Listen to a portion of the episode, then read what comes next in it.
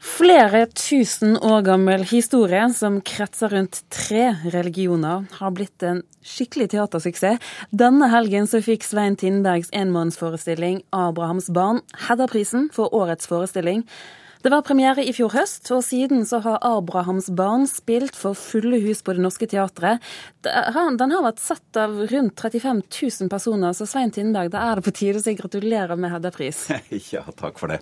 Takk du, dette, er jo, dette er ditt stykke, det var din idé. Hvordan startet det?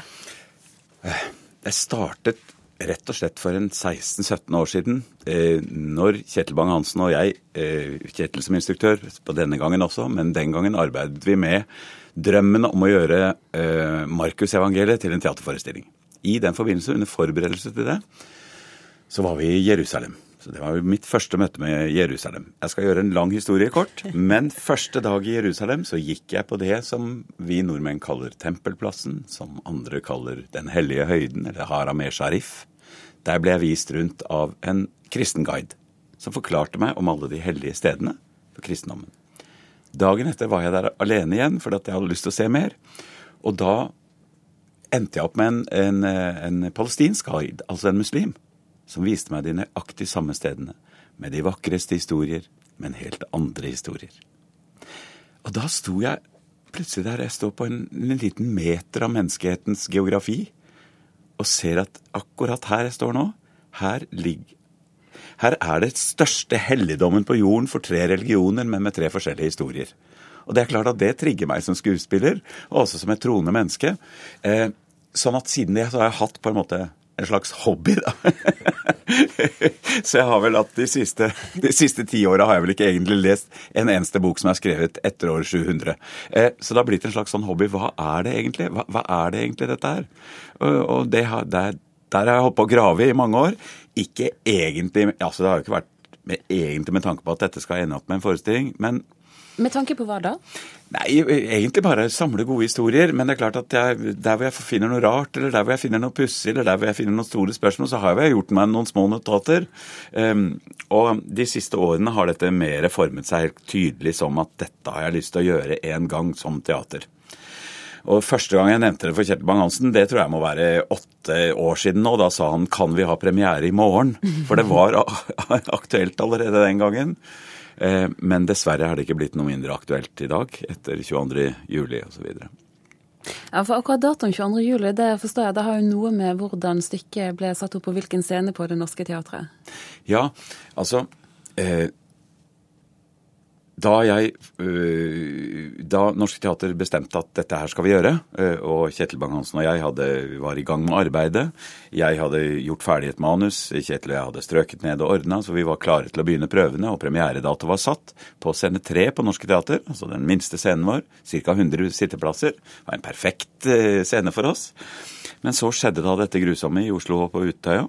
Og så ringte Erik Ulsby, teatersjefen, meg og Kjetil og spurte om er det mulig å gjøre Abrahams barn på hovedscenen. Hvilket jeg syns var en fantastisk riktig tenkt. En helt, helt, riktig og god idé. Men jeg ble jo stiv av skrekk, for eh, tanken slo meg jo at kunne det ikke vært noen andre, på en måte. Men, eh, men vi gjorde nå det. Eh, og det er klart at dermed fikk jo forestillingen et annet fokus. Både pga. det som hadde skjedd, eh, men også fordi at teatret flyttet på hovedscenen og dermed sier utad at dette er viktig for oss. Og så tok det på en måte av. Så det i utgangspunktet skulle det gå på scene tre med 100 sitteplasser. Det var i utgangspunktet satt opp med ti forestillinger. Nå var det vel noen av oss som håpet kanskje at det kunne gå noen ganger til. Men utgangspunktet var håpet om å få inn 1000 mennesker. Og i dag har vi, som du sier, passert 35 000. Og det er jo helt ja, altså det er jeg, jeg, kan ikke stoppe å smile, for det er så pussig. Men, men, men, du forteller da, eller tar utgangspunkt i flere tusen år gammel historie, og det er som du sier, det, det er tre verdensreligioner. Men hva er, i utgangspunktet, hva ligger i bunnen for det du prøver å si? Nei, altså, det ligger jo både en historisk interesse og en religiøs interesse. Og det ligger en, en interesse for, for, fortelling, for myter, for, for, for legender.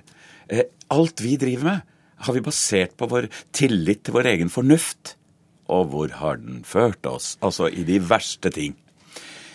Kan det hende at inni myter, inni legender, inni religiøse fortellinger, ligger sannere sannheter enn vitenskapens sannheter av og til.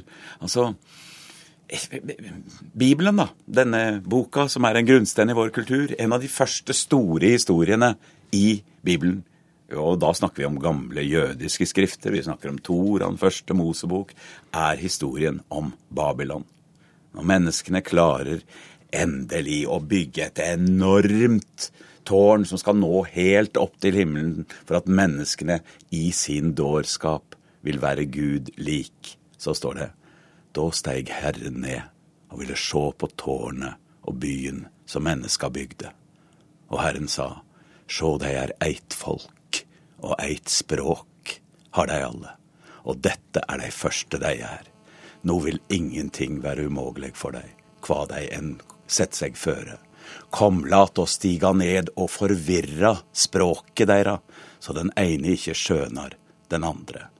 Og derifra spredde Herren dei ut over hele jorda. Og alt ble Hva ble det? Jo, Babbel. Babels tårn, Babbel. Med andre ord, en av grunnhistoriene i vår egen kultur forteller oss at den største straff Gud kan gi oss, er mangel på kommunikasjon. Og det å fortelle historier er det motsatte. Det er å prøve å vinne tilbake igjen.